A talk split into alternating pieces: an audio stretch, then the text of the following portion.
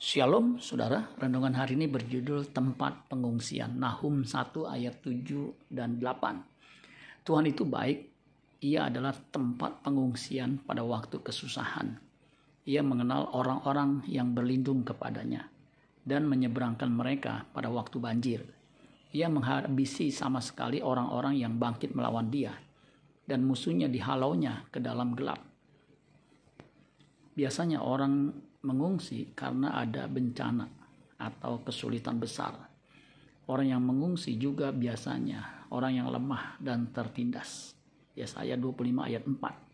Sebab engkau menjadi tempat pengungsian bagi orang lemah, tempat pengungsian bagi orang miskin dalam kesesakannya, perlindungan terhadap angin ribut, naungan terhadap panas terik, sebab amarah orang-orang yang gagah sombong itu seperti angin ribut di musim dingin.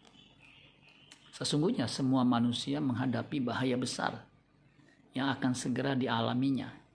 Bahaya besar apa itu? Maut alias kematian kedua.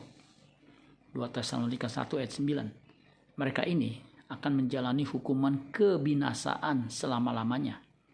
Dijauhkan dari hadirat Tuhan dan dari kemuliaan kekuatannya.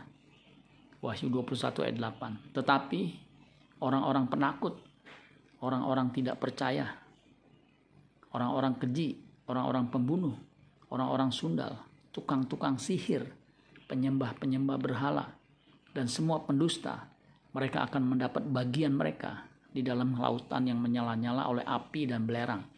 Inilah kematian yang kedua.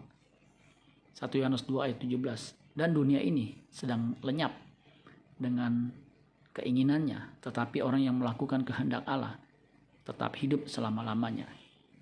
2 Petrus 3 ayat 10 dan 11. Tetapi hari Tuhan akan tiba seperti pencuri. Pada hari itu langit akan lenyap dengan gemuruh yang dahsyat dan unsur-unsur dunia akan hangus dalam nyala api dan bumi dan segala yang ada di atasnya akan hilang lenyap. Jadi jika segala sesuatu ini akan hancur secara demikian, betapa suci dan salahnya kamu harus hidup.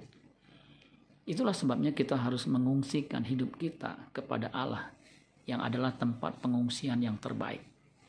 Sudahkah Anda mengungsikan hidup Anda sekarang ini? Jika belum, jangan sampai terlambat. Sebab jika bencana besar itu terjadi, Anda tidak akan bisa menghindar lagi. Jadi mumpung kita masih hidup, mari kita ungsikan diri kita kepadanya. Yakobus 4 ayat 8 sampai 10.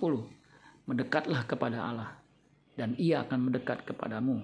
Tahirkanlah tanganmu, hai kamu, orang-orang berdosa, dan sucikanlah hatimu, hai kamu yang mendua hati.